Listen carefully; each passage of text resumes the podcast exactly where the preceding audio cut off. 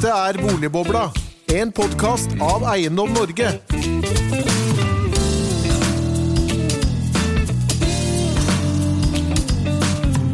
Hjertelig velkommen til en ny episode av Boligbobla, denne gang om tredje boligsektor spesial. For i mai 2019 lanserte byrådet i Oslo prosjektet Nye veier til egen bolig. Og nå går Oslo kommune snart i gang med pilotprosjekter for det som blir kalt en tredje boligsektor. Altså boliger i offentlig regi mellom det ordinære leie- og eiemarkedet og sosialboliger. I mange andre land, deriblant eh, Sverige, Danmark, Tyskland og Østerrike, finnes en slik eh, tredje boligsektor. Men er det mulig å etablere en slik sektor også i Norge? Og eventuelt hvordan? Og trenger vi en tredje boligsektor i et land hvor over 90% av oss i løpet av livet eier vår egen eh, bolig? For å ta oss gjennom dette temaet har vi fått noen eh, flotte gjester.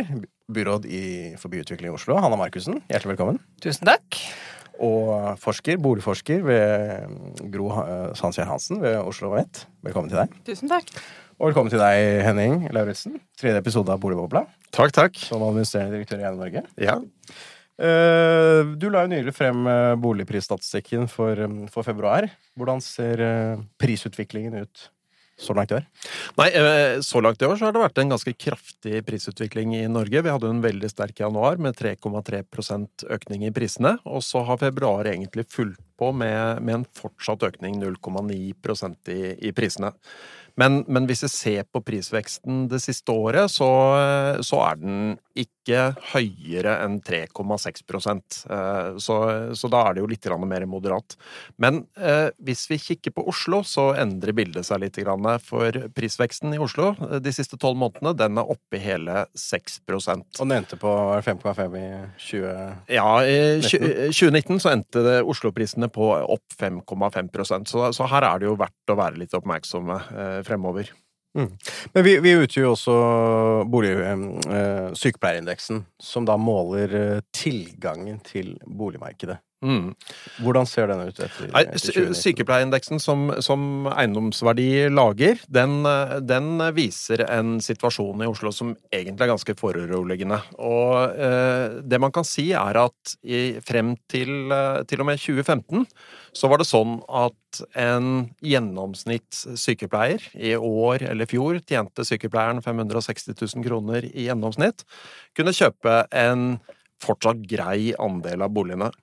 Og så skjedde det da noe. Eh, Her har vi jo både boliglånsforskrift, vi har eh, renteendringer og Boligprisen i Oslo steg med over, over 25 i 2016. over 25 i 2016, ja. Mm. Eh, og så, så datt dette ned på et nivå i området rundt 3 eh, og der ligger det fortsatt. Og det betyr altså at en sykepleier med en, med en inntekt på 560 000 kroner kan bare kjøpe 3% av boligene. Mm. Og, og hvis vi bare tar en sånn rask blikk på bydelene i Oslo, så, så betyr det at man ikke kan kjøpe i sentrumsbydeler eller vestlige bydeler i det hele tatt. Eh, De, de to eneste bydelene hvor det er en, en viss eh, Altså hvor det er en grei andel bolig man kan kjøpe, det er Søndre Nordstrand og Stovner. Der ligger det oppå 20-tallet begge steder. Ellers er det fryktelig lave tall over det. Men eh, det er vel også på Akershus kommune, eller nå Viken kommune, ganske liten andel også der, er det ikke det? Jo, og det er jo veldig mange som sier at ja, men man kan jo bare flytte ut. Eh, og, og det er faktisk ikke tilfellet. Asker og Bærum er enda lavere prosent enn en Oslo. Da er man helt nede i 2% Og så, så ligger det i kommunene rett øst for Oslo og nord for Oslo, så, så er det også veldig lave prosenter. Så altså det høye boligpriser det er et hva skal vi si, østlandsfenomen, for at vi, vi ser ikke dette i de andre Den lille lave tilgangen i de andre store byene. Nei, det, det eneste som har litt paralleller med, med østlandsområdet og Oslo spesielt, da, det er, det er Tromsø, hvor man har 16% Ellers er det eh, det man kan si er ganske greie forhold i de andre norske, norske storbyene. Så, så kort oppsummert så er det på en måte det at du sier Oslo og Østlandet de stikker fra, fra resten av landet. Oslo og Østlandet beveget seg likt med, med eh, de andre byene, i hvert fall sånn når det gjelder eh, andeler frem til tidspunkt, og så stakk Oslo eh, helt fra. Stavanger var, var verstingen for en del år siden, helt til oljebremsen kom, men, men nå er det Oslo som er problemområdet. Hanna Markussen, dette er jo den situasjonen, hva skal si, tilgang til boligmarkedet dere ønsker å adressere med, med det nye prosjektet Nye veier til, til egen bolig. Hva, hva er det dere egentlig ønsker å gjøre med å etablere en såkalt tredje boligsektor? Ja, altså Nå har jo for så vidt eh, mye av problemet vært tydeliggjort her. Vi står i en situasjon i Oslo hvor det er fare for at ikke vi har lenger muligheten for at helt vanlige mennesker i helt vanlige jobber, jobber som vi trenger i Oslo, lenger har råd til å bosette seg i Oslo. Det er et kjempestort samfunnsproblem. Selvfølgelig er det et problem for den enkelte, og så er det et problem for oss som samfunn. Og det er jo litt, Nå ble det jo også Asker og Bærum nevnt, og også der ser vi jo at selv om det er kommunen med et annet politisk flertall, så ser man jo også der at de har begynt å ta inn over seg at kjernepersonell har ikke råd til å bosette seg i kommunene. Det er et problem, man er nødt til å gjøre noen ting. Så det vi, har, vi, ønsker å gjøre i Oslo, er å få i gang en tredje boligsektor. Det er ikke gjort i en håndvending. Eh, Oslo og Norge for så vidt, men vi merker jo særlig Oslo, har et av de mest deregulerte boligmarkedene i hele Europa. Veldig mange europeiske hovedsteder har jo en eller annen form for tredje boligsektor som de har holdt på med i mange, mange tiår. Eh, noen av dem har holdt på med det i 100 år og mer. Det er klart at det får vi ikke gjort en håndvending, men det å få tilbake en ny, mer aktiv boligpolitikk fra kommunens side, er det vi er i gang med. Nå har vi, eh, og bystyret nå nylig vedtatt, eh, en del prinsipper og målsettinger for hva man ønsker med en tredje boligsektor, og ikke minst hvilke premisser man legger til grunn. Blant annet så, så ønsker vi ikke at det skal kreve stor grad av kommunal subsidiering over tid, for da vil det ikke være mulig å skalere det opp til et nivå som gjør at det faktisk kommer ganske mange mennesker til gode. Så vi har lagt en del av de grunnleggende premissene, og så skal vi nå i gang med eh, noen pilotprosjekter, teste ut blant annet ulike former for leie til eie-løsninger, og ikke minst også det vi har valgt å kalle etablererboliger, som handler om at man kan kjøpe en viss andel av en bolig, men kommunen beholder også en viss andel av den boligen. Det gjør at vi kan selge den boligen rimeligere, og så kan man selge den igjen på markedet, men den vil fortsatt være rimeligere også for neste kjøper, fordi at kommunen beholder en viss andel av eierskapet til boligen. Det er blant annet en av de modellene vi nå ønsker å teste ut, og hvor vi også ser at hvis dette fungerer godt, så vil det være mulig for kommunene å oppskalere det, fordi man ikke trenger ny subsidiering for hver ny som skal inn i leiligheten, men at man har en investering, og så beholder man noe av eierskapet og klarer på den måten å holde prisene nede. Så det er noe av det vi ønsker å teste ut. Men uh, disse pilotene, er de, de, er på vei ut, eller? Ja, så nå har vi uh, parallelt med at uh, bystyret har behandlet denne saken, så har vi gjort en undersøkelse i kommunen for å se hvilke tomter som kan være aktuelle, og hvilke, og noen steder så har vi også bygningsmasse som kan være aktuell. Det må selvfølgelig rehabiliteres litt og gjøres om på, men for å komme i gang med dette. Så her pågår det PT et arbeid. Men det, er også ikke minst at vi får spredd dette litt over hele byen også. For det er jo litt som det også ble sagt innledningsvis her, så ønsker vi jo egentlig at det skal være rimelige boliger i alle deler av byen, at vi skal klare å få til noe også i Oslo vest, for eksempel. Mm. Så det er også noe av det vi er inne i en prosess på nå, å finne egnede områder, egnede eiendommer mm. Eh, kommunen har både i vest og øst. Men det, det, er jo ikke bare disse pilotprosjektene dere, dere, skal teste. Se jo her på strategiene, så er det jo da ulike mål. Eh, dere skriver om leiemarkedet, dere skriver om eh, eh, finansieringsordninger, rammebetingelser på nasjonalt nivå som virker dempende på boligprisveksten. Det er jo ikke bare virkemidler som kommunen rår over her. Hvordan skal dere jobbe med disse målene? Utover å vinne regjeringsmakten da, i 21. Men, vi har også tenkt å vinne regjeringsmakten, selvsagt, men vi jobber allerede per i dag opp mot Stortinget. Jeg var nylig på en høring Stortinget hadde i forbindelse med et forslag de skulle behandle, nettopp om dette. Uh, hvor vi ønsker jo selvsagt flere virkemidler. Uh, de virkemidlene vi har i dag, er ikke Altså, de gjør at vi kan komme i gang, og at vi kan starte, mm. men vi skulle gjerne hatt andre virkemidler. For eksempel i et land som det på en måte er ganske naturlig å sammenligne seg med, og det er Storbritannia. Mm. Fordi at Storbritannia også har en ganske stor eiesektor, mm. uh, i likhet med Norge, at det er det vanlige for veldig mange som vil eie sin egen bolig. Og de har også hatt noe av den samme dereguleringen av boligmarkedet gjennom 80-tallet. Eh, og så har de byer som London, for eksempel, hvor det nå er blitt kjempedyrt. Mm, eh, Eierratene i London spesielt har vel falt ja, betydelig. Det er utrolig vanskelig å komme seg inn på eiermarkedet, rett og slett. Mm. Hvor man da ser på om man kan bruke altså hvor Der bruker de plan og bygning, sin plan- og bygningslov til å pålegge private utviklere og, bygge en viss andel rimeligere boliger i prosjektet. Det kunne vært en løsning. I hvert fall så bør man se på det i norsk lovverk. Man bør også se på um, muligheter for å bruke startlånet uh, til Husbanken til mange flere mennesker enn det vi har i dag. Får man lov til det, da? Eh, vil Finanstilsynet åpne for det, tror du? altså, Sånn det er i dag, så er det folk som har vært vanskeligstilte og over tid, uh, som kan få startlån. Det er en ganske liten gruppe mennesker. Og det vi ser i Oslo, som også er en av utfordringene, er jo at mange har ikke egenkapitalen.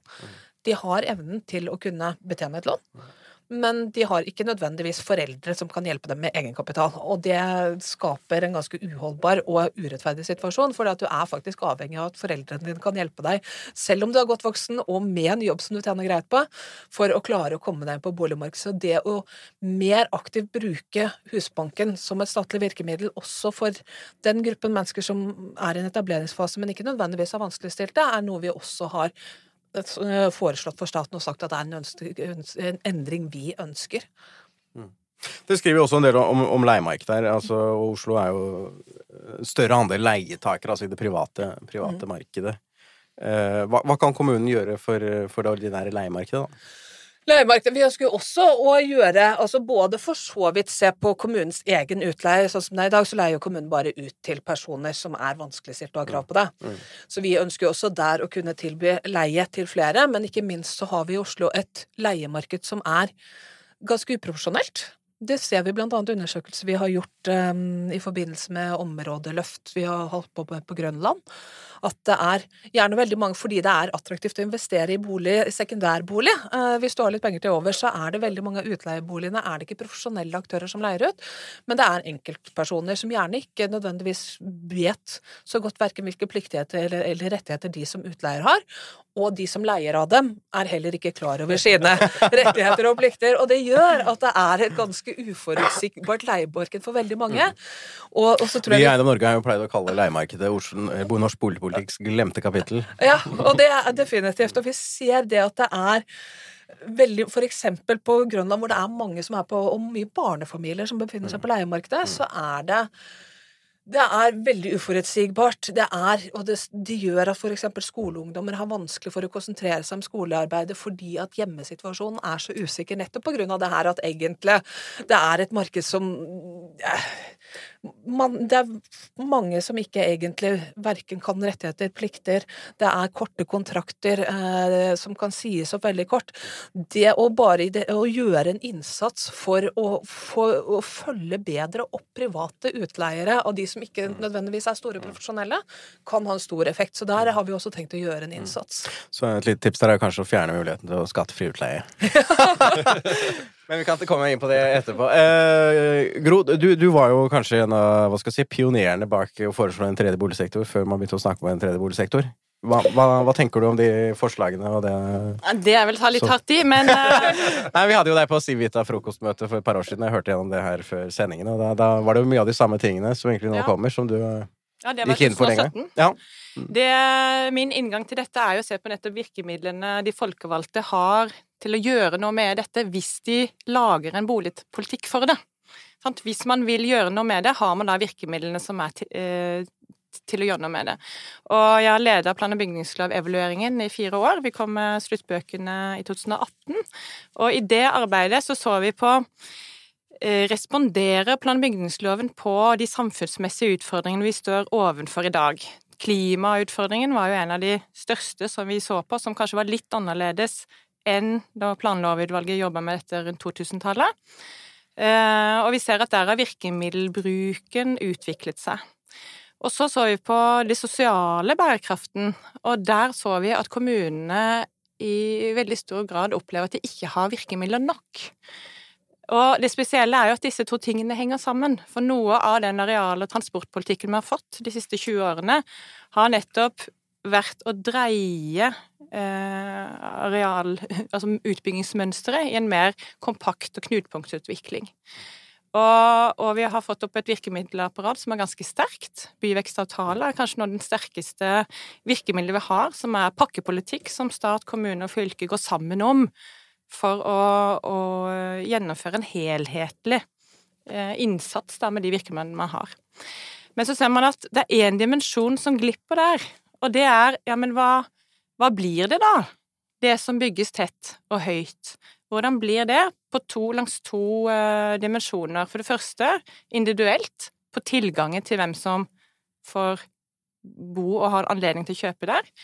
Uh, fordi at man da uh, sier nei til å bygge spredtbygd, som er de billige tomtene, mm. og sier ja til å bygge på de dyre tomtene rundt knutepunktene. Så den individuelle tilgangen som dere snakker mye om der, er veldig viktig. Hvem er det som bærer de byrdene, og er det med familiebank i ryggen du skal ha tilgang, eller er det også som skal vi forsterke og, og støtte opp under seileierpolitikken vår og de 90 prosentene som vi er veldig stolte av. Men den andre dimensjonen, det er hva slags bysamfunn får vi? Sant? Det er samfunnsdimensjonen av det. Og den går både på kjernepersonell, altså får vi det bysamfunnet hvor vi har tilgjengelig den kompetansen som byen trenger, barnehageansatte, sykepleiere, lærere, mm. fordi Eller mister vi det til Ski, mister vi det til, til Moss? Til pendlerkommunene, ja. ja. Men hvor de også får en bedre hverdag, for de finner en skole der å jobbe på. Og vi ser allerede nå tegn som tyder på at barnehageansatte, eksempel, de uh, flytter ofte ut. Og der finner de barnehage, for det fins jo i enhver kommune. Jeg ser jo de som jobber i min barnehage, der jeg har mine barn, de, de pendler jo ganske langt. Noen av de. Nettopp. Og det er nummer, ja, for det er nummer to, det er det individuelle. Mm. Altså, du fordeler pendlerbyrden ganske ulikt mm. ut fra kjøpekraft. Så det, det, er den individuelle dimensjonen ved det. Men den andre samfunnsmessige dimensjonen er jo de bysamfunnet bygger rundt disse mer tette, kompakte stedene, risikerer å bli mye mer eh, homogene og segregerte. Mens veldig mye av den nyere samfunnsøkonomiske forskningen internasjonal sier, eh, påviser helt konkret fordelene ved å ha en mangfoldig, heterogen befolkning både på hvordan barn vokser opp og knytter seg i, lavutdannings, i lavutdanningsfamilier, kobler seg på utdannings- og arbeidsmarkedet i voksen alder, ser man forskjeller på hvor de er vokst opp. Sånn, Hvordan er befolkningssammensetning der de vokste opp, har mye å si. Sånn, Når man kontrollerer for, eh, for eh, foreldrenes utdanning, så Du sier at et heterogent bymiljø, bymiljø eller bomiljø Det, det stimulerer for... lavutdanning lavutdanningsbarn mm. til å koble seg på å ta høyere utdanning, og til å koble seg på markedet. Og dermed forhindre da utenforskap, eh, som vi jobber mye med nå. Så sant, det er både individuelle argumenter og samfunnsmessige argumenter for at kommunene skal ha en aktiv boligpolitikk. Som andre ord så, så, støtter du på en måte det initiativet som kommer fra, fra eh, Oslos byråd her, da, med andre ord? Ja, vår kommentar vi, eh, vi, kommenterte vel når det kom i fjor, og sa at eh, vi, eh, vi, er veldig interessert i å se de kommunene I Norge har vi ikke hatt en tradisjon hvor kommunene har vært veldig aktive. De har ikke hatt en aktiv boligmarkedspolitikk på en måte, og, og tenkt at vi skal korrigere eksternaliteter av boligmarkedet. Så veldig få har hatt en lang tradisjon på en, å se dette helhetlig. Men nå ser vi særlig Oslo kommune, Bergen kommune. Nå er det veldig spennende hvordan Lørenskog nå jobber. Eh, for de jobber veldig aktivt med samfunnsdelen, og vi ønsker å følge de for å se hvordan det eh, da gir gode forutsetninger for å danne en, helhetlig boligpolitikk med grunnlag av det. Så vi ser nå en mye større mm, aktivitet hos kommunen med å forme en boligpolitikk. Mm. Og da er jo spørsmålet hva pakker dere sammen i den boligpolitikken? Og da var nok vår kommentar til dere at dette er vel og bra, men det er litt fislete det er litt lite. Vi ønsker en oppskal. Altså, det vi tenker oss, er jo uh, hvorfor, deg, hvorfor drar dere ikke litt på? Hvorfor, det, Dere er jo allerede 11 000 boliger her i Oslo. Det er jo 3% av boligmassen eller sånn. 2-3% av boligmassen. Kunne dere ikke bare kjøpt 10 000 boliger? Meningen er å dra på etter hvert. eller bygd 10 000 boliger, eller hva skal du si? Du, meningen er å dra. Altså, jeg er for så vidt enig at det er forsiktig start, og det er det. Uh, og det henger jo litt sammen med da vi satte i gang med dette arbeidet i forrige bystyreperiode, så merket vi at vi også i kommunen manglet veldig mye av kompetansen. Eller et samlet kompetansemiljø. Det var veldig få i Oslo kommune som hadde jobbet med en aktiv boligpolitikk utover det som gjelder for de mest vanskeligstilte, og med de altså rammene. Ja. Mm. ja. Utover det, så liksom bare, bare det å bygge opp igjen et kompetansemiljø har tatt tid, og det å ikke minst få til et kunnskapsgrunnlag å gå utover, så vi har brukt ganske mye også ressurser og innsats på å, å, hente kunnskap fra for så vidt andre norske kommuner, men ikke minst også uh, større byer i andre land som det er eh, naturlig å sammenligne seg med, så er jo selvfølgelig ikke modellene fra f.eks. Wien, som har holdt på med dette i 100 år, eller for så vidt København, som mm. også har en ganske stor, omfattende allmennboligsektor, som de kaller det der direkte overførtbar til, til, norske forhold, både fordi vi har så stor eierandel, og fordi vi har et annet lovverk. Men den, den prosessen allikevel har vært kjempeviktig. Så, så vi har starta rolig, og vi har startet eh, rolig med også nå det å legge premisser. Samtidig så er jo tanken nå å oppskalere i løpet av denne perioden, og vi ønsker jo nå ut fra byrådserklæringen vår å komme i gang med eh, rundt 1000 boliger. Men ikke nødvendigvis da kommunen selv, for det, det, er også viktig at vi, som vi ser det, så er det ikke nødvendigvis at kommunen selv må stå for all denne boligbyggingen, men at det kan også være et samarbeid med private. Um, men de 1000 da ser du for deg da kjøpe da, så hva skal du si, 10% i det prosjektet, 10% i det prosjektet, eller hvordan er, no, altså, hvordan er man ser for seg det? Noen er, er våre egne piloter, og så mm. er det jo også, har vi jo en dialog med uh, noen av de større boligutviklerne, som f.eks. Obos, uh, for å se hva vi eventuelt kan gjøre i et samarbeid. Og så ser vi jo at uh, både Obos og for så vidt Fredensborg og andre De private aktørene private med leie-til-eie-modeller. Med sine ja. mm. løsninger.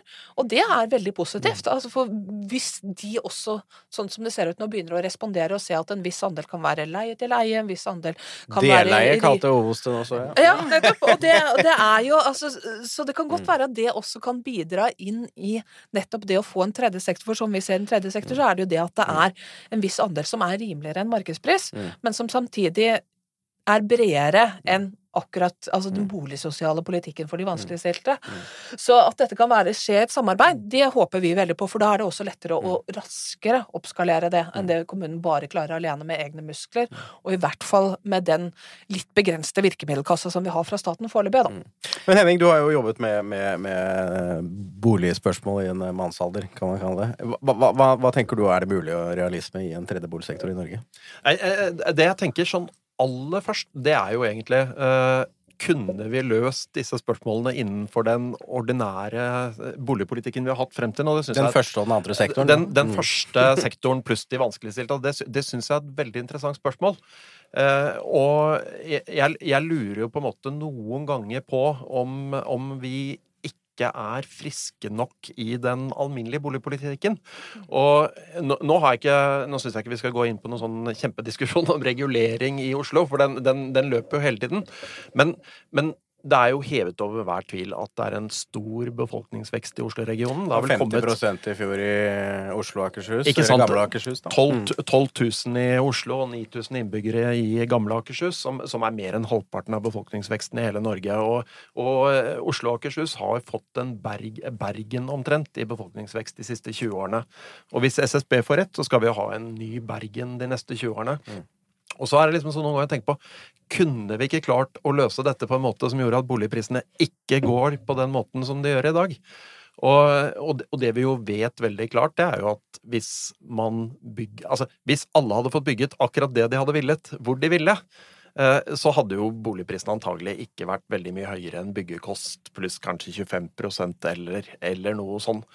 Eh, og så er det jo de naturgitte forutsetningene og eh, befolkningsveksten, inntektsnivå og andre ting.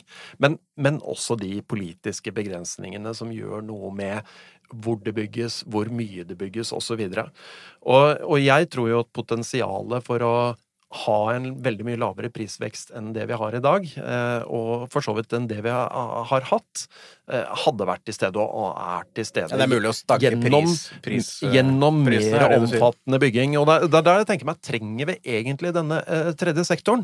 Vil ikke da for eksempel de, de, de sakene vi har snakket om med bostartordninger fra Obos osv., som jo utvider kjøpegruppen noe, kunne nå helt ned til de vanskeligstilte. Og det, og det har jeg vel litt tro på, at det kunne vi klart. Eh, Men det er politisk kostbart, eh, fordi vi har sota, kiosker på Sotahjørner, og vi har Smestad og Altså, du Eh, refererer deg til Vålerenga-kiosken, hvor det ble Ja, og det, er- og, og, og det, er jo, det er jo kanskje der jeg, uten å, å peke på bestemte partier, savner, savner ordentlig djerve politikere. Mm.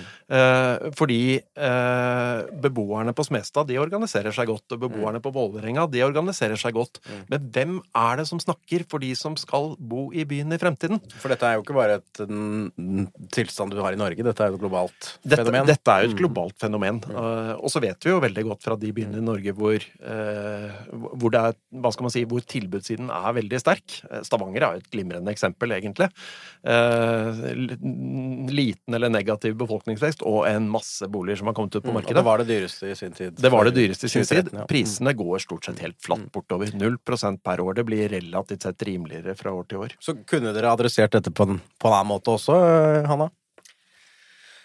Selvfølgelig kan man gjøre det, men er det det vi ønsker? Mm. Eh, nå snakket jo eh, Gro innledningsvis Mm. her også om klimamål, for eksempel. Vi ønsker jo ikke byspredning. Nettopp, Eh, og selvfølgelig, hvis man hadde tillatt at hvem som helst kunne bygge hva som helst i marka i Oslo Mm.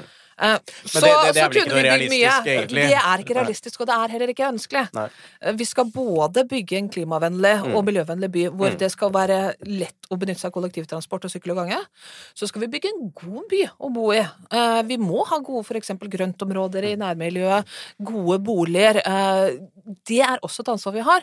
Og så har vi i tillegg denne dimensjonen om Og og de politiske begrensningene må vi ha. Og så har vi i tillegg dimensjonen om at vi da må også finne virkemidler for å holde prisene, Mm. på et akseptabelt nivå.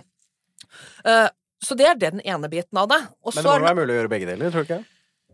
ja, men der er det en balansegang. Og det er jo den balansegangen nå som vi ser at ikke nødvendigvis uh, er der hvor den burde være. Og derfor så er vi begynt å gjøre tiltak for en mer aktiv boligpolitikk. Og så er det den siste tingen som også handler om at vi ikke bare kan bygge oss ut av dette alene. Og det handler jo om investeringsviljen. At det er at boliger er et godt investeringsobjekt. Det er blitt litt Nummer- dårligere, da, etter Det er blitt litt dårligere. Det har skjedd ting med er eh, jo boligforskriften. sekundærboliginvesteringer er jo harmonisert, da. Ja, og det har hjulpet faktisk en del på Det er helt åpenbart, og det sier jo vi i Eide Norge. Vi støtter jo det også. Har Absolutt. også støttet, støttet det. Mm. Men, men fortsatt så er det sånn at har du penger til over, så er ikke nødvendigvis bolig en dum investering, men det gjør jo at du da konkurrerer med førstegangsetablererne. Så, så her er det også Det er ikke noen én-til-én-forhold mellom å bygge masse og at boligpriser holder seg lave. Og hvis vi da tar eh, og ser på de europeiske byene, og vi har sett systematisk på svenske, danske og tyske, og da ser vi at det er veldig vanlig Vi har med KTH i Stockholm også som som eh, skal studere dette videre. Da ser vi at det er veldig vanlig å ha en eh, Du må tenke langs mange dimensjoner. Du må for det første ha masse tiltak for å effektivisere planprosesser og få opp boligproduksjonen. Det er på en måte første bud. Få opp boligproduksjon, eh, legge til rette for eh, bygging, legge til rette tomter f.eks., og effektivisere planprosesser i kommunen. Og så eh, må du ikke tro at disse fordeler seg sosialt rettferdig utover, selv om det blir flere. kjøpe det. For de fordeler seg etter kjøpekraft. Eh, og det betyr jo også at du alltid vil ha den i presskommuner, i pressbyer. Så vil du alltid ha det at det er de med høyest kjøpekraft så kan kjøpe de mest gunstige rundt kollektivknutepunkt, mens de andre skyves i randsonen. Veldig interessant med Stovner og Søndre Nordstrand. Og dermed så vil det jo bære en pendlerbyrde, en, en, en økt byrde med å, å transportere seg selv fra denne boligen til en sentralt beliggende arbeidsplass. Så det løser man jo ikke nødvendigvis. Så det de europeiske byene gjør, og de nordiske, det er jo i tillegg til å ha masse tiltak for å stimulere boligproduksjonen og få opp boligproduksjonen, så har de også små mekanismer som, for å vippe førstegangskjøpere og lavinntektsgrupper inn, sånn at ikke den fordelingen blir så skeiv på både hvor de har råd til å kjøpe, Til å eie, og da. Ja. til å eie. Mm.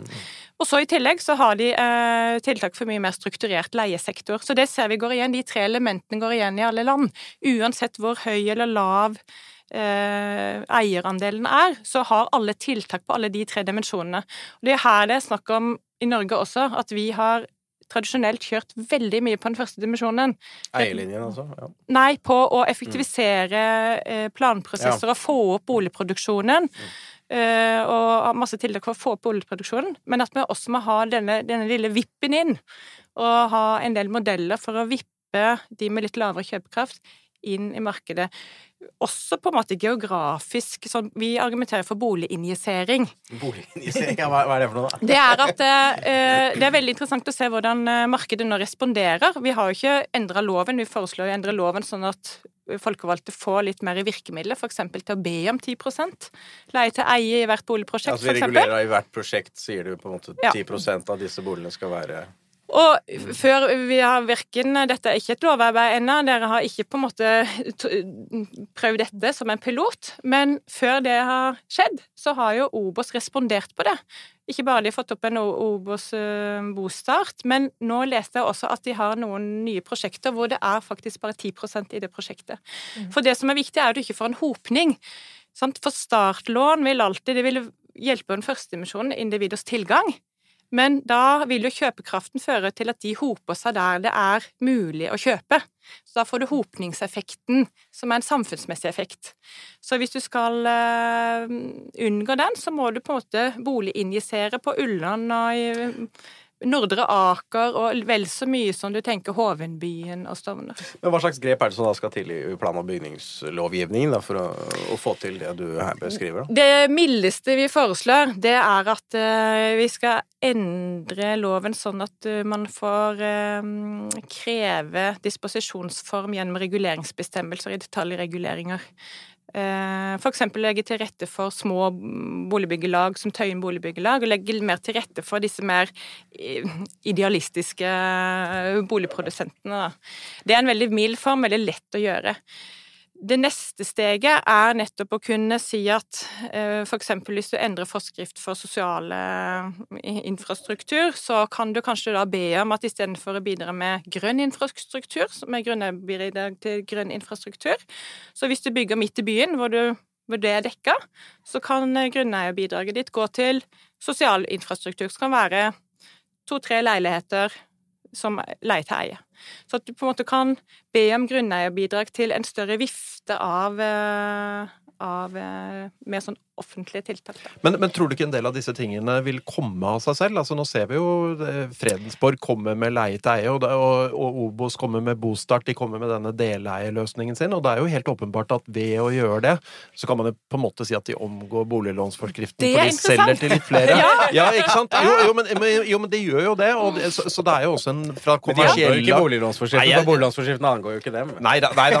Det er ikke det. Sånn, sånn, jo, men, jo, men det er på en måte Nå, nå hadde jeg anførselstegn her som ikke vises i podkasten. Men, men, eh, men, men det man jo kanskje kan si, at det er jo også kommersielle interesser i å få utvidet kjøpekretsen. Og, og nå snakket jo du, Hanne Markussen, om, om, om at dere ønsker jo modeller som er bærekraftige. Og dette vil jeg jo si at dette er jo modeller som er økonomisk bærekraftige fordi de kommersielle aktørene de går på en måte etter dem selv. Vil, vil ikke dette kunne være nok, da?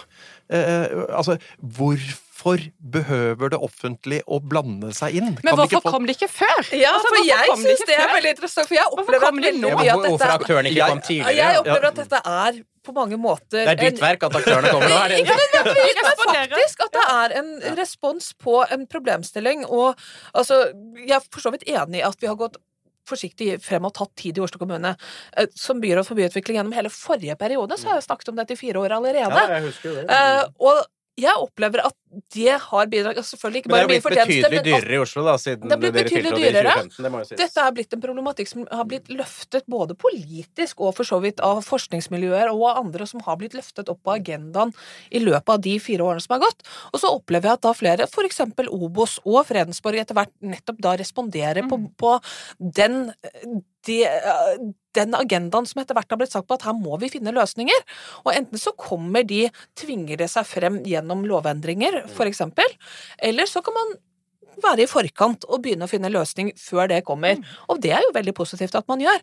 Men jeg er ikke nødvendigvis sikker på at de løsningene hadde kommet med mindre dette hadde stått så sterkt på agendaen som det det nå har begynt å gjøre de siste årene. Så her er det flere ting som spiller sammen. Så jeg tror ikke nødvendigvis det hadde kommet av seg selv. For det er et poeng som Gro sier, at det, det, det var ikke her for fire år siden, så var ikke disse løsningene noe som ble snakket om, meg bekjent, av noen av de store Det handler om, om boliglånsforskriften, da, ikke sant? som mm. 1.1.2017 ble kraftig strammet inn. ikke sant? Så tilgang gang ble jo, eh, ble jo en helt annen etter det. Men, men, du nevnte jo London her som et eksempel som, som er nær sammenlignbart med situasjonen i Oslo. Da er kanskje enda mer ekstrem, selvfølgelig. Uh, I London så har de jo i 100 år hatt det de kaller London weighing, som er altså lønnstillegg for ja, de vanlige yrkene, da. Hadde det ikke vært billigere for kommunen å gi høyere lønn da, til, til de offentlige ansatte som skal bosette seg i byen? Nå er ikke nødvendigvis uh, altså, Nå er ikke nødvendigvis lønningene i Oslo lave, men jeg tror ikke det alene altså, Fortsatt så vil sannsynligvis en god del grupper allikevel ikke nå opp til de lønningene som en del i f.eks. privat sektor har. Så det å bare skulle ta det på lønningene Altså I London ikke... så er jo da brannmenn, politifolk mm. Typisk i London da har jo et lønnstillegg som altså korrigerer for de høyere levekostnadene i Altså, I London så har man fortsatt Jeg var der mm, over i forbindelse med studiereise i forfjor, og det var interessant med han som da var, var byråd med spesifikt ansvar for boliger der. Altså, de har en situasjon som er altså, Til tross for den type tiltak, så er det såpass dyrt i store deler kan av London. Kan det bli litt billigere etter brexit, da? Ja, det er mulig! det er mulig at det, at det nå endrer seg. Men der er det altså Selv med den type lønnstillegg, så er det jo så Har det vært så spinnvilt dyrt i London mm. så, at det, så det du sier, at det, det London weighing, det, det hjelper ikke? Ikke alene. altså Jeg tror man må inn og ha en aktiv politikk også for boliger, og det har man jo også samtidig i London. Og selv der så er det jo også en diskusjon om hva er egentlig rimelige boliger. For det når man legger inn prosjekt at her skal det være f.eks. 20% det de kaller affordable housing, mm. så er ikke nødvendigvis affordable housing noe som folk i vanlige jobber allikevel har råd til. Så det har jo også vært en diskusjon nettopp fordi at det så, har vært så høye priser der. Men det er klart at her må man ha flere tiltak. Men, men jeg synes at når det gjelder tredje boligsektor, så har man sett en del uheldige sider ved det, f.eks. i Sverige og Danmark. Altså, eh, jeg, jeg, jeg syns jo f.eks. Eh, altså danske allmennboliger har jo vært noe som har ført til mange problemer mange steder, som vi har sluppet til Norge. Uh, og jeg mener, det mest ekstreme var jo forrige statsminister Lars Løkke Rasmussen, som, som uh, gikk inn for å rive inntil 25 boligområder. Eller i hvert fall gjøre noe, noe radikalt med dem, hvis det ikke skårte bedre. Uh, jeg, jeg, vil jo på en måte si at veldig mye av det vi har fått til her, har jo virket kjempegodt når det gjelder formuesfordeling, når det gjelder integrering altså, av innvandrere ja. osv., som, som man kanskje ikke har truffet like godt med på de andre landene. Og er ikke det en felle vi kan gå i hvis vi går inn på et sånn tredje boligsektorspor? sektorspor. Jo, og da er jo eh, poenget ditt eh, at det med piloter er lurt. Så jeg er litt eh, enig med deg. Du er litt enig og uenig med deg selv, ja.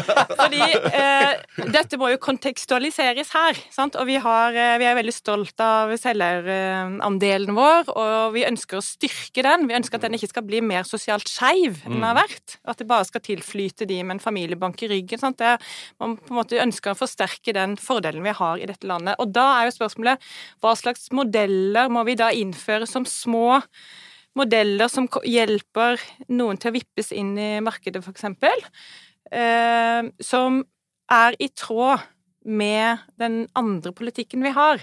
Og derfor er piloter lurt. Og derfor er det lurt å gå litt stegvis til verks. Det ser jeg. Så ikke begynne med de 10 000, Men altså, det, det, som undrer meg, det som undrer meg, er at eh, sant, det kan gjøres på mange måter. Nå ser vi at markedet responderer så umiddelbart. At det kan godt hende at det å være strategiske, så sterke strategiske som dere har vært, kanskje det eh, fører til bølger i markedet som gjør at man får opp veldig mye av dette tilbudet man ønsker, bare ved å være strategiske, uten å på en måte nedfelle det i mer regulerende former.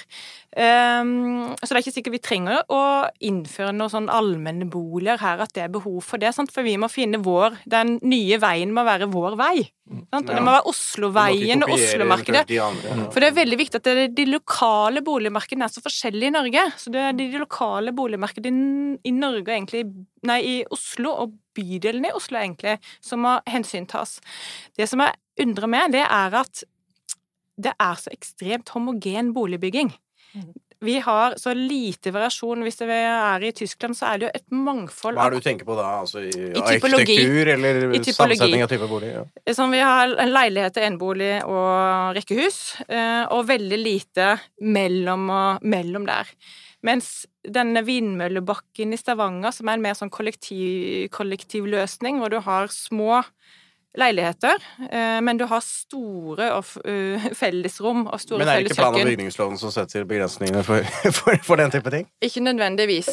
Så her er det jo snakk om hvordan er det vi kan få en mer innovativ kraft i, hos boligprodusentene som kan produsere det. For da kan du òg tenke at selv om du ikke kan eh, finansiere mer enn en liten leilighet, så vil du boligkvaliteten du får ved den, være på en måte Det er så mye du får i tillegg. Så Men jeg merker meg det at da den nye plan- og bygnings... eh, for plan- og bygningsetaten som ble ansatt av Mm. deg, så sa jo hun nettopp det at vi må ha mer boliginnovasjon Mm. i Aftenposten. Absolutt, og det er jo det er jo også en viktig del av det, og det som for så vidt altså Nå er jeg helt enig at vi må finne modeller som passer i Oslo, som passer i Norge, og at det her handler veldig mye om at eierlinja er kjempefin, den. Men problemet er når flere og flere ikke kommer seg inn i den. Mm. Og noe av det handler om å gjøre det lettere for folk å faktisk komme inn på eiemarkedet. Og noe av det handler om å ha et mer regulert leiemarked, for det gjør det også lettere for folk på sikt å eventuelt komme seg inn på leiemarkedet om man skulle, nei, eiemarkedet om man skulle ønske det. Mm. Men det er lite som er så, gjør det så vanskelig å noensinne komme dit, som å leve i en veldig usikker leiesituasjon. Da har du ikke store muligheter til å opparbeide deg det du trenger for å komme deg inn på eh, eiemarkedet. Men så er den andre biten, og det er nettopp med den innovasjonen, og hvor man ser at i noen byer som for eksempel Zürich, som ikke nødvendigvis er sammenlignbart med Oslo, men hvor du har en veldig stor ikke-kommersiell, kooperativ boligsektor og mye leieboliger, men der har du også ganske mye innovasjon innen den sektoren, nettopp på blant annet mindre enheter, men med større fellesarealer, som dekker mye, altså for eksempel at du i boligkomplekset du bor, har gjesterom du kan booke deg inn på når du har besøk, så du trenger ikke nødvendigvis å ha det i din egen boenhet.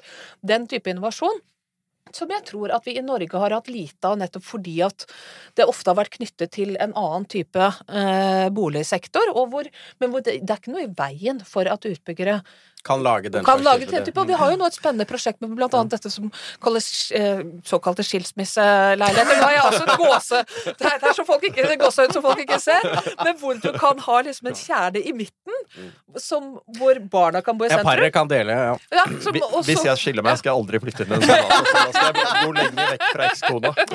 Men, men, eh, men betyr ikke det at vi skal få mer boliginvasjon? Er det ikke på tide å skrote leilighetsnormen, da? Har det ikke den utspilt sin rolle, kanskje, da?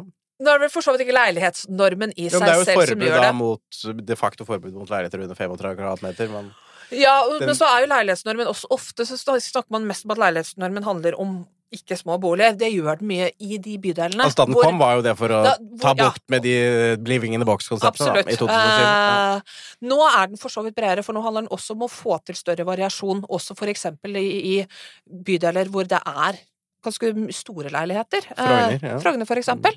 Eh, hvor ikke behovet er å si her skal det ikke være små leiligheter, men tilpass det egentlig nettopp for å få større typologi. Men det i seg selv er jo mer for å hindre, hindre at folk skal bli boende på kjempedyre bøttekott.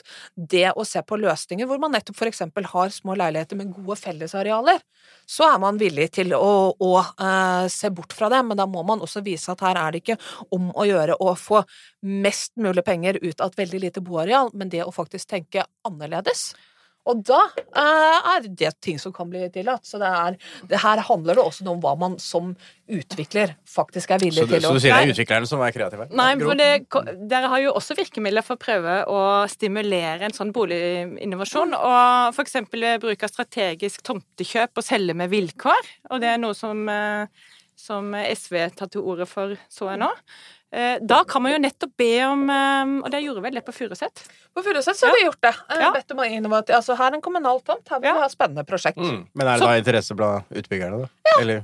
Det, altså, det, det, det som har vært veldig spennende med de prosjektene, og det var jo en del av egentlig et initiativ fra Paris, um, som de kaller Reinventing Cities, men som handler om at kommunen kan altså, selge kommunale tomter og si at her selger vi ikke for høyest mulig pris, men til mest mulig spennende prosjekt, enten på miljøvilkår eller på f.eks. innovasjon innenfor bolig. Uh, hvordan man kan skape mer spennende innovative boligprosjekter. Dulte i bransjen. er Dulte i bransjen, Ja. og så setter man eh, prisnivået, hva man selger tomta på, ut fra hvilke prosjekt man mener er best, ikke ut fra hvordan man kan få mest mulig penger. Og det er jo sånn man gjør i Wien og Zürich, at man har noen indikatorer sant? og sier at eh, disse indikatorene her, f.eks. på sosial bærekraft, må dere oppfylle for at dere skal få lov til å kjøpe den tomta og utvikle et prosjektet. Noe av det samme som dere gjør der. Mm. Og det er jo en sånn innovativ løsning å styre på, da. Det, men det krever jo at man er villig til å bruke litt eh, tomteoppkjøpsmakt. Ja. Men i, eh, i eh, den eh, saken om tredje boligsektor som er vedtatt i Oslo, så sto det en ting som jeg syns virket veldig skummelt. Og, og, nå har vi jo en kraftig prisvekst. Og så ønsker man å utvide startlånsordningen. Den, den, går jo i dag bare til de som er langvarig vanskeligstilte. Hvis man utvider startlånsordningen, da vil det komme enda mer penger inn på kjøpersiden i markedet, og da vil jo det kunne fyre opp prisene ytterligere. Vil ikke det bare dytte masse mennesker ut av markedet? Jeg er ikke sikker på om jeg ser helt den logikken. Altså Tanken med å utvide startlånsordningen er jo fordi at mange som egentlig veldig gjerne kunne vært på boligmarkedet, har muligheten til å betjene lån, men ikke har nettopp familiebanken. Dvs. Si de har ikke foreldre som kan stille med egenkapital. Og det å opparbeide seg den egenkapitalen når du bor i Oslo og leier i Oslo, kan være fryktelig vanskelig. Det å gi dem muligheten til å komme inn på boligmarkedet, anser ikke jeg som et problem, snarere som en del av løsningen. Og så er det jo klart at Utfordringen da er jo egentlig mer de som ikke nødvendigvis skal etablere seg, men som vil kjøpe en sekundærbolig. Det er jo de som eventuelt driver opp prisene. Så det er jo det man må se på. Altså jeg opplever at det er å snu det litt på hodet og si at det eventuelt er et problem at flere av de som ikke er på eiemarkedet, gis muligheten til å komme seg inn der. Det er ikke det som er problemet, det er en del av løsningen. Og så må man heller se på nettopp det å gjøre det mindre attraktivt å investere de overskuddspengene man har, i en sekundærbolig. Men det er da en annen del av den problemstillingen. Mm der kan det jo være at stor boligbygging egentlig er den beste løsningen på det. For det er, hvis, hvis, du ikke får noe stor prisvekst, så er det kanskje ikke så interessant å gå inn og investere heller. Eh, det er jo kanskje litt det vi ser, ser og har sett i øyeblikket. Eh, kombinasjonen av boliglånsforskriftens eh, litt strenge krav og, og at prisen ikke går så mye opp. Absolutt. og det er jo ikke som om, om Ofte så fremstiller det som om vi er imot å bygge boliger. Det er vi jo ikke. Altså, Vi jobber jo hardt med å få regulert også. Eh, og har tatt for så vidt akt, veldig aktivt grep for at kommunen skal tilrettelegge og regulere større områder. Eh, det har vi fokus på. Og vi har også regulert veldig mange boliger i løpet av den forrige perioden. Det var litt det, lavt i 2018, da. Jo, men det, og det går opp ned, og det er vi klar over. Men så hvis man ser på de andre årene til sammen, så er faktisk volumet stort. Litt høyere enn eh, Høyre. Ja, det er, det er, faktisk det. Og så ser man også at det, det, har vært mye som har vært igangsatt, og det har for så vidt også vært mye som har vært ferdigstilt av boliger. Mm. Men det alene løser ikke problemstillingen, og det er jo nettopp derfor vi også trenger de andre virkemidlene. Nå går tiden vanvittig fort her. Men bare til det siste, at da vi uh, diskuterte jo også evalueringen om man kanskje er på tide tide å innføre en utbyggingsplikt, sånn som man har i Tyskland. ja, hva er det for noe? Det, I dag så kan man jo sitte på ferdigregulere tomter. Ja, ti år er det det? Eller sånn, ja. ja. Sitte på gjerdet ganske mm. lenge, mens kommunen ønsker at dette skal utvikles. Så sitter man på gjerdet og venter til man til markedet på en måte er gunstig da, for den utbyggingen. Mens uh, i Tyskland så vil du ha et mye større press mye tidligere for å realisere den reguleringen, ellers så mister du Fordi da mister du? Så det er en, altså, en sånn pisk da, for, ja. for utbygger? Og det har vi jo ikke. altså mm det er ikke noe i veien for at du i Oslo kan sitte på en ferdigregulert tomt i over Er det ikke ti år? Så Nei, går det er ikke noe plikt at du må bygge det ut i løpet av ti år heller. Men da, da går det vel ut, er det ikke noe sånt da, til ti år? Nei, altså det er siste vedtatte regulering som gjelder. Mm. Så selv om det har gått ti år og du fortsatt ikke har bygget, så er det ikke som om muligheten til å bygge mm. ut uh, den tomten forsvinner. Så det er på en måte ikke noe insentiv. Og vi ser jo det at i en del områder hvor vi gjerne skulle ønsket utvikling, men hvor kanskje prisene ikke er like høye, mm. så, er det, så har det gått veldig mange år hvor ting ikke nødvendigvis skjer. Så, så det, det, er ikke noe automatikk i det at man i uh, Oslo føler seg forpliktet når man har vedtatt en regulering, og bygger på den i løpet av en tiårsperiode. Men hvis man ser litt sånn stort på det, så skjer jo veldig mye av boligbyggingen nå i kommunene som ligger rundt Oslo. Vil vi ikke bare få en forsterking av den effekten i et sånt tilfelle? Altså at eh, man, man bygger enda mer på Lørenskog og, og Ski, og, og, redusert boligbygging i Oslo, så får vi jo virkelig en sånn utenfra-inn-bygging. Ikke innenfra ut, som er kommuneplanens. Nei, men det har vi jo en, eh, en, regional plan som sier hvordan at vi skal ha en eh, flerkjerna eh, regional utvikling. Og vi skal ha stor utvikling i de utpekte sentrene rundt Oslo. Så det har jo Oslo og omegnskommunene blitt enige om, at vi skal fordele denne veksten. Vi skal ikke ha alt i kjernebyen, vi skal fordele den ut av denne polysentrismen. Så det er meningen, det, at det skal også bygges ut i de andre. Men der får de jo nå også større og større restriksjoner for hvordan de kan ese ut. De holder nå på å tegne grønn grense for fortetting, og da skal de bygge ja, 90% av utbyggingene innenfor grønn grense, og bare 10 utafor. Så her ser vi også at denne um, prisveksten vil jo også øke der, fordi at man tvinger en fortetting. Så, så denne Oslo-problematikken blir, altså, blir viktigere og viktigere også for andre byer. Mm. Så det er veldig viktig at de pilotene og erfaringene man gjør i Oslo, kommer frem, sånn at andre byer i omegn, og også Bergen og Tromsø og Trondheim, Så snakker du med kommunene rundt i Akershus, da? Gjør det, og snakker for så vidt også med, med Trondheim og Bergen, og vi har en dialog med andre byer. Og så er de selvfølgelig ikke helt der med å være i Oslo, Mm. bortsett fra at noen av Viken-kommunene er jo det. Altså noen av nabokommunene til Oslo er det. Eh, noen av de har for så vidt annet politisk styre, men jeg har også Kan snakke sammen likevel. ja. Løpende men, Altså, de, altså de, som, som jeg sa innledningsvis, altså også i Asker og Bærum så ser de jo at det er en utfordring når kjernepersonell ikke har muligheten til å bosette seg i kommunen. Og, og at det er noe man er nødt til å gjøre noe med. Og så er man ikke nødvendigvis de samme virkemidlene man ønsker å bruke der. Men at man ser problemstillingen, det er det jo ikke tvil om.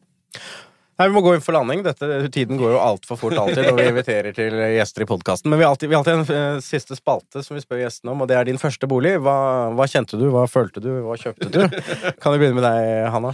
Snakker vi om min første eiebolig? Din første eierbolig. Det, altså, da må jeg hvis, du fortsatt, hvis du eier, da. Det, Ja, jeg gjør det, men jeg kom meg ikke inn på boligmarkedet faktisk før jeg ble byråd i 2016. Så Hvor jeg kjøpte meg by- leilighet på Sørøya. Så i Oslo må man bli byråd for å Jeg faktisk ikke i før da. Men det kjentes veldig deilig, da? Det kjentes veldig deilig. Det, og jeg bor fortsatt i den leiligheten, og det trives jeg veldig godt med. byråd. For, og er fortsatt byråd, ja. Så, det, så man må bli byråd for å bli i eiermarkedet. Er det det er det. Og Gro, du? Ja, jeg er sånn bygdejente som kom eh, og måtte bo ti år eh, i byen uten familiebank, og tok ti år å opparbeide seg Sparte. Ja, og kjøpte borettslagsleilighet. Og det kjentes også godt. Ja. Veldig Og hvor var det, da? Tåsen. På Tåsen. Bor der kanskje fortsatt? Eller? Nei. Nei. Litt lenger mot marka nå. Henning, vi har, vi har jo en konferanse som eh, kommer opp nå 26. mars. Hva skjer da? Eiendom Norge-konferansen 2020. Ja, da, da, da lager vi Altså, det blir Norges største eiendomskonferanse, og eh, vi kommer til å ha veldig spennende temaer. Vi har spørsmål om, eh, om bolig- og finanspolitikk. Vi er innom perspektivmeldingen. Vi har en veldig spennende amerikansk eh, gjest, Edvard Glazer. som er Verdens veldig- fremste boligøkonom. Det, det, det stemmer, og, og det blir kjempespennende hva han, han kommer til å si. Og så skal vi innom eh, bærekraftstemaer, eh, hvor vi, hvor vi har en, en flott gjeng til å dra oss gjennom det. Og avslutte med spørsmål rundt bolig og teknologi. Spennende, spennende. Jeg kan også avsløre neste episode av Boligbobla. Eh, Da kommer Edvard Gliser faktisk som, som gjest her, sammen med professor Erling Røe Larsen. Så tune inn til eh, slutten av mars. Eh, Vi må takke. Takk til gjestene. Takk til byråd Hanna Markussen. Takk til Gro Sandsjør Hansen. Og takk til deg, Henning. Takk til meg. Eh, Vi høres. Veldig hyggelig å være her.